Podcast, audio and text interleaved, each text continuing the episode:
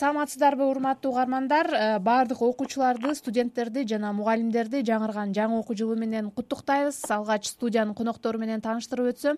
Билим берүү илим министрлигинин баш кадиси гүлшан абдылдаева онлайн университи платформасынын негиздөөчүсү элира турдубаева жана кадам жайдагы мугалим аймактардагы мугалимдер үчүн онлайн сабак берүү тренингдерин уюштуруп код академи платформасын негиздеген асылбек мадалиев. Биздин суроолорго жооп бермекчи. Алгач гүлшан айым бүгүнкү билим күнүңүздөр менен куттуктайбыз жаңы окуу жылы быйыл мына аралыктан башталып жатат. Мектептер канчалык деңгээлде даяр? Саламатсыздарбы эң биринчиден ушул билим күнү менен мугалимдер менен анан окуучуларды куттуктай кетет элем. Бүгүнкү күндө мынакей биринчи сентябрга чейин азыркы учурларда бүт э, республика боюнча министрлик тарабы министрлик мамлекет тарабынан анткени бир эле бул жерден бир эле гана билим берүү министрлиги гана иштеген жок. Э, жанагындай госкомсвязи телеком тарабынан бүт жергиликтүү э, жер жерлерде азыркы учурларда бүгүнкү күнгө чейин э, жанагындай интернет провайдерлордун баардыгын уюштурулууда. Булардын баардыгы тең мамлекет тарабынан жүргүзүлүп атат.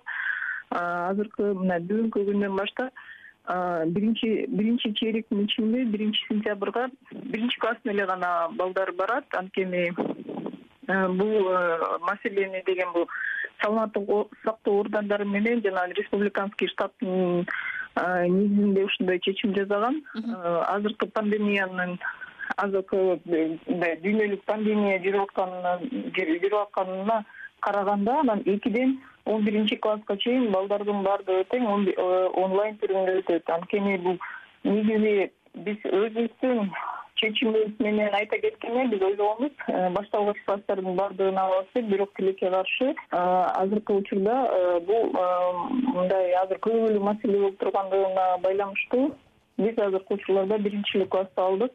Анткени экинчи класстан баштап он биринчи класска чейин карантин убагында төртүнчү чейректин убагында биздин балдар онлайн түрүндө окушкан. Түшүнүктүү. Кечиресиз элира айым дүйнөлүк банктын маалыматы боюнча эл аралык уюмдар э, негизи эле кыргыз окуучулары европадагы курбалдаштарынан бир жарым эки жылга артта калып билим деңгээли боюнча да эми. Э, эми буга аралыктан окуу кошулуп дагы билими артка кетти деген божомолдор жасалды да ушул жылы жайында аралыктан окутууну негизи сапаттуу кыла алабызбы? Жолдору барбы? Могу акыркы изилдөө боюнча кечөө чыкты. Жаңылык ошо орто азия өлкөлөрүндө. Ошол беш алты миллион окуучу ушул онлайн окуганда мындай мектепке барбай калат деп чыкты да. Себеби көбүндө мындай жергиликтүү айыл жеринде жашагандарда интернет байланышы жок же телефон же лептоптору жок ошон үчүн биз артта калып баратабыз. Өзгөчө онлайн окутууга даяр эмес болгондуктан мугалимдер да жетекчилер да окуучу ата энелер да даяр эмес болгондуктан даярдыктар көрүлбөгөндүктөн андан беш бетер артта калып жатабыз. Эгер мындай кетсе беш он жылга эле артта калабыз го.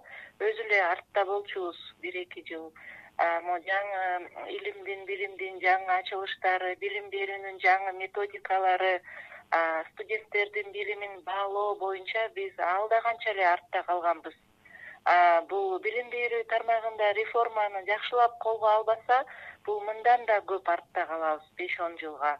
Онлайн менен онлайн менен мындай традиционный салттуу окутууда артта калып жаткандан кийин онлайнда андан да көп артта калышат да. Себеби мындай бетме бет берген билимге караганда онлайндын форматында бериш кыйын. Өзгөчө так илимдерди химия физика математика буларды онлайнда окутуу өзгөчө медицинаны абдан кыйын лабораторный практикалык иштери бар. Аларды кантип өткөрөт онлайн? Ал үчүн программалар иштелип чыга элек онлайн?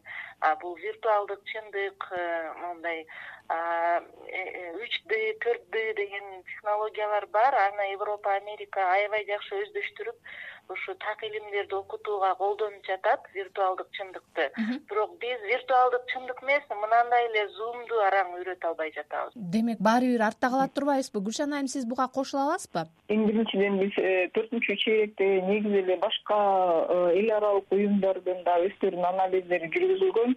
Жанагындай независимый эксперттердин бир эле гана билим берүү министрлиги тарабынан мисалы төртүнчү чейректе башка мамлекетте башка мамлекеттерден караганда онлайн түрүндө кыргызстан онлайн түрүндө төртүнчү чейректи алып кетти. Азыркы учурларда бул жакшыртуу интернеттин жакшыртуу максатында абдан чоң иштер жүргүзүлдү. Мына төртүнчү чейректен баштап эле июнь айынан баштап бизде теле видео сабактардын баардыгы тең азыркы учурларда тартылып э, анан балдардын дагы билим э, деңгээлдери азыр дагы азыр айым айтып кетип атпайбы эме депчи. Э, кыргызстан таптакыр эле артта калды. Анда кыргызстан таптакыр эле артта калса бизде мамлекеттик жанагындай анализдердин негизинде же болбосо башка чет мамлекетте республика эме международный олимпиадаларда биздин балдар жеңип чыкпайт эле да. Жүз отузунчу жүз отуз мамлекеттин ичинен биринчи месте алган балдарыбыз да бар таптакыр эле кыргызстандын билим берүү тармагы артта калды дегенде мен азыркы азыркы учурда мен алысмын. Ооба азыр э, онлайн түрүндө болуп атат. Бул азыр мугалимдерге окуучуларга кыйынчылык алып келип атат. Бирок биздин жылдан жылга жана сан ириктештирүү программалардын негизинде бул негизи эле биз ошого өтүнөтпүз онлайн түрүндө болбосо дагы биз эмеге санак иптештирүүгө өтүнөтпүз да ошого байланыштуу азыр могу карантиндин негизинде биздин мугалимдер онлайн түрүндө зум аркылуу телеграм аркылуу whatsapp аркылуу сабактарды алып кете алды деп мен айтып кете алам. Бирок ошол эле мезгилде практикалык сабактар чындыгында болгон жок да. дегенден дагы. Мындай мен мындан алысмын алдыга эле келе атабыз жакшы эле балдарды асылбек мырза мына э, жогорудагы талаштуу маселелерди уктуңуз. Негизи эле айыл жериндеги мугалимдерде азыр кандай көйгөйлөр болуп жатат? Айыл эмес шаардагылар деле азыр э, колубузда техникабыз жок дегендер деле четтен чыгып атат го. Саламатсыздарбы? Урматтуу э, мугалимдер. Билим күнүңүздөр менен чын жүрөктөн куттуктайм мугалимдерди жаңы саналиктик технологияга окутуу боюнча жалпы республика боюнча биз эки жүздөн ашык мектептин мугалимдери менен окуудан өткөрдүк. Оффлайн да болду и онлайн. Биз мугалимдердин компьютердик саналиктик билим деңгээли мындайча айтканда өтө төмөн деп айта алабыз. Жана ал эч качан алар онлайн окууга даяр болгон эмес болчу. Төртүнчү чейректе өтө кыйналышты кайтарым байланышты түзүүдө анан бул жерде бир маселени эске алыш керек аларды интернет менен компьютер менен камсыз кылуу ал такыр башка нерсе. Анан аларга онлайн сабак берүүдүн методологиясын үйрөтүү ал такыр башка нерсе да. Биз билебиз көп э, мектептерде баардык шарттары бар компьютерлери бар мугалимдер деле балдарга сабакты жеткиликтүү түшүндүрүп бере албай жатат и телесабактар деле аймактардагы окуучуларга түшүндүрүү методологиясы дал келбей атат да. Алар телесабактардан деле эчтеке албаган э, окуучулар бар. Анан менин оюмча билим деңгээли балким башка кошуна мамлекеттерден э, оффлайн учурунда артка калбай аракет кылып алдыга кетип аткан болушу мүмкүн. Бирок э, онлайнда чындыгында бир топ эле ата эне дагы окуучу дагы мындай серьезный кабыл алышпады да? Төртүнчү чейректе эле ошого окшош э, азыркы биринчи чейректе эле ошого окшоп эле кабыл алынышып атат да. Алар эч качан менин оюмча ата эне анчалык жакшы деңгээлде даярдык көрбөдү мен ойлойм төртүнчү чейректегидей эле биринчи чейректе эле сапаттуу сонун болуп жыйынтыкталат деп ойлобойм. Бирок мугалимдердин сабакка болгон даярдыгы жакшы болду. Төртүнчү чейректе кыйналганына байланыштуу саналиктик программаларды компьютерлерди өзүнүн каражатына сатып алып ар кандай курстарга катышып өзүн даярдады. Бирок окуучу азыр деле мындай онлайн окууну серьезный кабыл алышпай жатат. И ата эне дагы. Ал болсо мугалимге өтө кыйынчылык алып келет. Катышуу бир класста жыйырма беш окуучу болсо онлайн окууда катышуу элүү пайыз балким жети окуучу кээде он окуучу эле катышып атат да бул точно эле чындык мен көп мектептин мугалимдери менен иштешем. Аларда дагы баардык жерде катышуу өтө начар эл ырайым ушул абалды мындай оңдоо үчүн кандайдыр бир э, сунуштар же болбосо сиздердин академия тарабынан университет онлайн университет тарабынан кандайдыр бир жаңы платформалар жасалдыбы ооба биз буга чейин айдан бери эле өткөрүп келебиз окутууларды. Ошо мектептердин жогорку окуу жайларынын мугалимдерине жаңы технологияларды колдонуу боюнча жаңы ресурстарды кантип студенттерге интерактивдүү форматта өткөрүүнү үйрөтүп жатабыз? Анын сыртында тег мугалим деген жаңы долбоор баштадык кечээ. Тег мугалим долбоорунун максаты ушу мугалимдерге пирдек деген программа бар америкада колдонулат. Ошол америкадагы биздин кыргызстандык мекендештер ал жактан үйрөтүшөт пердекти кантип колдонуш керек? Бул э, жети жумалык курс андан кийин алты ай алты ай бою аларга менторлук кылышат да билбеген суроолоруна жооп берип ар кимдин өзүнүн сабагына ошо пердекти кантип колдонгонду үйрөтөбүз. Бул предметтер боюнча бөлүп койдук так илимдер гуманитардык илимдер деп бул тил илимдери же математика география буларды өзүнчө ар бир предметтин мугалимдерин өзүнчө өзүнчө топ топ кылып аларга именно географияга кантип колдонобуз биологияга кантип колдонобуз ушунун баарын үйрөтөбүз да. Анан бул тег мугалим дайыма боло бермекчи бул азыр бизге жүзгө жакын мугалим жазылды бул долбоорго. Алар анан үйрөнгөндөн кийин экинчи потокту үйрөтөбүз. Бул жөн эле мындай лекция катары өтүп коюу эмес бул аларга жасатып көрүп практикалык э, мындай көндүмдөрдү үйрөтүү да навыктарды. А мугалимдер ошо программаны эне жене чейин үйрөнүп чыгышат. Ошол жактан суроолордун банкын түзөбүз э, экзаменде колдонула турган баардык суроолор көнүгүүлөр упражнениялар ушулардын баарын банк банкын түзүп чыгабыз да. Ал жакта баары даяр болот ар бир сабак баары эле окшош да. Ооба. Баарынын суроолору көнүгүүлөрү даяр болот иштеп чыгышат мугалимдер. Ошону эле баардык мектептер колдонушат да ошон үчүн ушундай тег мугалим деген долбоор баштадык. Бул технология пандемия бүтсө деле бул абдан актуальдуу бойдон кала берет. Бул мугалимдер э, билим берүүдө колдонуш керек технологияны. Пандемия бүтсө деле колдонгонду уланта беришет. Ошон үчүн технологияны билбеген мугалим бул келечектин заманбап мугалими эмес да ушундай слоган менен чыгып атабыз. Онлайн университет платформасында азыр беш миңге жакын мугалим жазылышты. Гүлшан айым сиздер ошо сиз айтып жатпайсызбы азыр жакшы төртүнчү четикти жакшы ийгиликтүү аяктадык депчи? Ошол эле маалда мисалы айрым мугалимдер айтып жатышат да биздин колубузда окуу куралдары жетиштүү эмес деп мисалы ошол эле смартфон же болбосо э, ноутбуктарчы. Ушул э, технологиялык техникалык мүмкүнчүлүктөрдү кантип кеңейтип жатасыздар? Анан жогоруда элира айым айткандай мындай эл аралык кандайдыр бир долбоорлорго катышып жатасыздарбы? Асылбек мырза айтып өткөн мисалы мугалимдердин билим деңгээлин жогорулатуу үчүнчү кандай иш чаралар болуп жатат бул багытта? Билим берүү эми мугалимдердин билим берүү жанагындай курстарын жогорулатуу максатында бул абдан чоң долбоорлор иштелип чыкты. Негизи эле э, биз ар бир мугалимдер үчүн мисалы конкурс э, конкурс болгон сайын мисалы планшет э, же болбосо жанагындай ноутбук ушундай конкурстарда ушул жанагындай мероприятияларда ошондой мисалы подаркаларды көп нерселер кылды да андан тышкары дагы биз эл аралык уюмдар тарабынан абдан чоң долбоорлордун баары тең иштелип чыкты.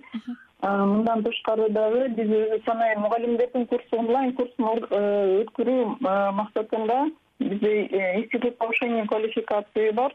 Ар бир предметтин жетимиш эки сааттык программанын негизинде бекитилген.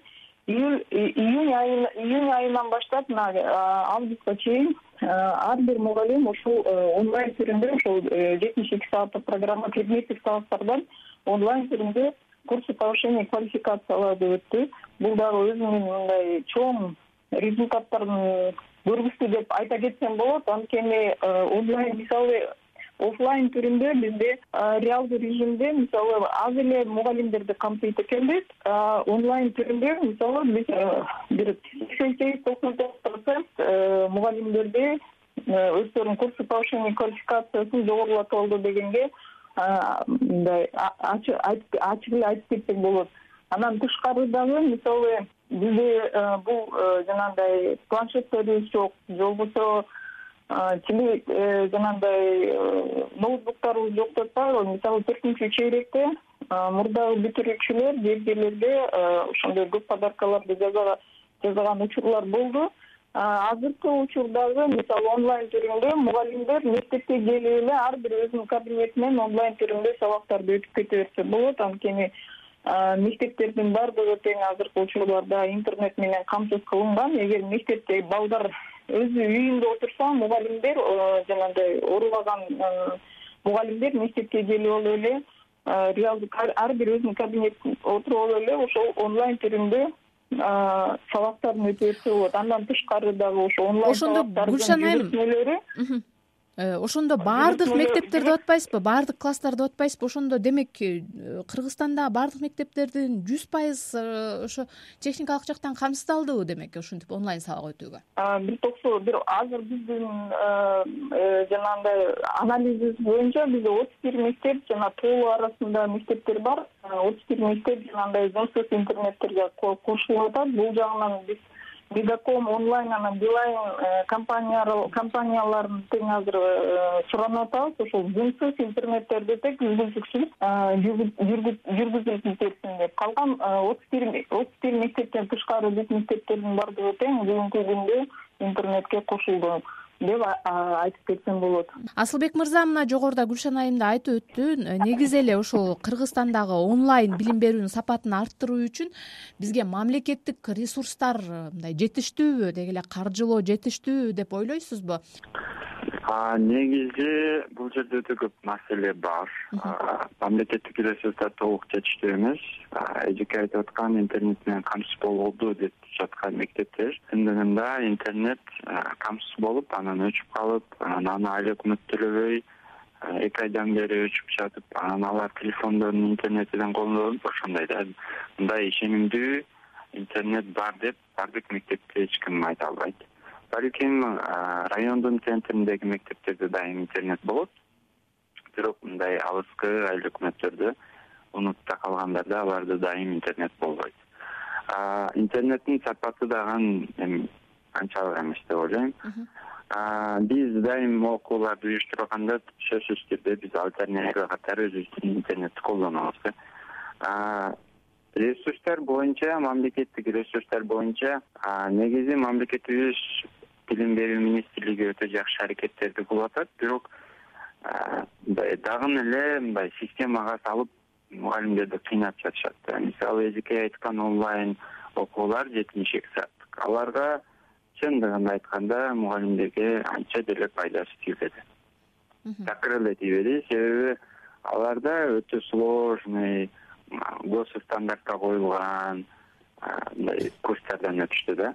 Аларга ал курс анча пайдасы тийген жок. Аларга кантип интернетти туташтырып кантип конференцияны уюштурушту кантип баланы текшеришти кантип онлайн тест жүргүзүүгө жүргүзүү керек да аларга ошол нерселер керек. Биз именно ошол боштукту толтурганга аракет кылабыз да. Анан бир эле айылдагы мектеп эмес биздин курстарга онлайн өтө көп бишкектен жазылышат оштон нарындан таластан өтө көп шаардын мектептери жазылышат да. Себеби алар ага чейин ал нерсени колдонуп көргөн эмес. Карантинде ал кайтарым байланышка онлайн тест түрдө керек болуп сөзсүз ошол курстан өтүшүм керек деген мугалимдер өтө көп болду да. Ошого э, ресурстарды жөн эле министерство мындай эле жөнөкөй чечимдер менен эле чечип койсо деле болот да. Мугалимдер даже карантинде өзүнүн акчасына компьютер сатып алууну каалап өзүнө инвестиция кылууну каалап үйрөнүүнү каалайт бирок аларга дагы мындай координация берилбеди да. Силер муну алсаңар мындай болот. Компьютер алып туруп силер мына программаны колдоносуңар силерге жакшы болот. А биз болсо онлайнды мектеп силерди мындай интернет менен камсызбайбыз деген мындай жол көрсөтүү болбоду. Ар кайсыл мектеп өз башына өзүнүн ситуациясына карап чечишти деп айта алам да.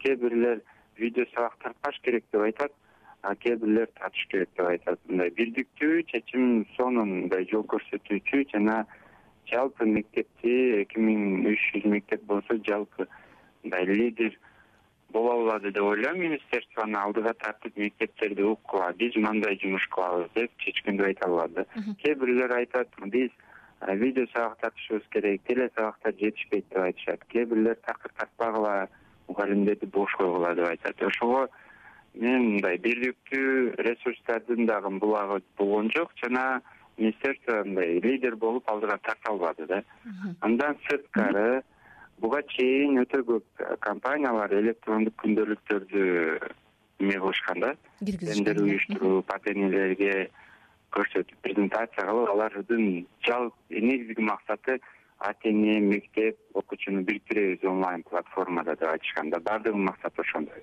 Өтө көп компаниялар еще өтө көп акча коротушту ата энелер мектеп министерство. Анан мына ушул карантинде электрондук күндөөлүктөрдү сынай турган мезгил келди да. Мен ойлойм биздин мектептер көп мектептер электронный күндөөлүктү колдонушат бирок эч кимиси мындай менин оюмча эч кимиси жумушка жараган жок. Практикалык пайдасы болгон эмес турбайбы демек э электрондук э, менин оюмча ал жалпы мен эми бир эле мугалим мен себеби эгер пайдасы болсо эмне үчүн биз башка платформаларды издейбиз эмне үчүн биз google classroomду колдонобуз эмне үчүн телеграмга жумушубуз түшөт биз үчүн өзү электронный күндөөлүк түзүлсө эмне үчүн мугалимдер экzelден таблица түзүп окуучуларды жоктойт себеби ошол электрондук күндөөлүктүн платформалары мындай дышкан эмес платформа болгон үчүн алар мугалимдерге ыңгайсыз болуп туруп башка платформаларды колдонууга өттү түшүнүктүү. Электрондук күндөөлүктөрдүн ичинен мен бизге өтө жакшы жардам кылды ушул электронный күндөөлүк деген мугалимдерди өтө өтө аз кездештирдим түшүнүктүү рахмат. Ошону да сиз карап чыгыш керек. Асылбек мырза мен дагы кичине кошумча кылып айта кетейин. Убактыбыз азайып баратат бир эле мүнөтүбүз калды. Ошо жыйынтыктоочу сөзүңүздөрдү айтсаңыздар. Жыйынтыктоочу. Негизи азыр деген мынакей биз баарыбыз эле сынып атабыз тиги мугалимдер эчтекеге даяр эмес мугалимдер даяр. Негизи эле мугалим изденүү менен гана ушул мындай максатына жетет. Азыркы пандемиянын э, негизинде мындай пандемиянын э, жараша ар бир мугалим мисалы азыр өздөрүнүн изденүүсү менен өзүнүн конкуренциясы менен изденүүлөрү менен карашып жолдорун карап атат анан дагы айта кетет элем азыр э, мурдагы жанагы телефон эмелерди интернеттерди мугалим мектеп тарабынан төлөнүп калса азыркы учурларда ошол интернет провайдерлердин төлөөсү мамлекет тарабынан ар бир мектептин мамлекет тарабынан төлөнөт. Ошол мугалимдердин өзүнүн изденүүсүнө жакшыртуу максатында ушул интернеттердин баардыгы ар бир мектепке мамлекет тарабынан учурда төлөнүп берилет. Анан андан тышкары ар кандай платформалар анан электрондук күндөөлүк электрондук журналдардын баары тең иштелип чыгып атат. Бул азыркы сыноодон өтүү максатында булар мынакей ошол карантинден сыноосунан өткөрүлгөндө ушулардын өзү канчалык результаттарын көргүзөрү ушул биринчи чейректе көрүнөт. Түшүнүктүү элир айым сиз акыркы ошол жыйынтыктоочу сөздү айтсаңыз мындай кыска эле да практикалык кандай сунуштарды берет элеңиз биздин министрликке ошондой эле жалпы мугалимдерге да? Жеке эле мектеп эмес э, балким университеттин да мугалимдерине жогорку окуу жайдын мугалимдерине дагы кыска кандай кеңештерди берет элеңиз азыркы абалдан чыгуу үчүн? Азыркы абалдан чыгуу үчүн сөзсүз окутууларды жүргүзүш керек мастер класс тренингдерди мындай үстүртөдөн эмес теориялык түрдө эмес практикалык түрдө окутуп үйрөтүш керек. Аларды алар бизде көп мугалим бар эмеспи сексен миң анын баарын окутуп чыгуу аябай кыйын. Ошондуктан белгилүү бир тренерлерди даярдап анан алар айыл жергелерин окутса жакшы болмок анан бизде деген жакшы технологиялык мындай ресурстар жок болуп атпайбы белгилүү бир система стандартизация кылыш керек да. Азыр ар ким ар түрдүү ресурсту колдонуп жатат. Чаржайыт болуп жатат да. Белгилүү бир мудл системасын киргизсе болот же синхрондук асинхрондук же гибриддик системасын тандап алып себеби айыл жерлеринде интернет жок болгондо онлайн окутуу болбойт. Ошон үчүн гибриддик системаны иштеп чыгып баардык мугалимдерди окутуп анан колдонмо китептерди иштеп чыгыш керек. Ал китептерди методичкаларды пособияларды иштеп чыгып таратыш керек. Анан бир эле мындай мугалим сүйлөп студент уккан эмес пассивдүү билим берүү эмес активдүү билим берүү. Критикалык ой жүгүртүү сын ой жүгүртүүгө үйрөтүш керек студенттерди.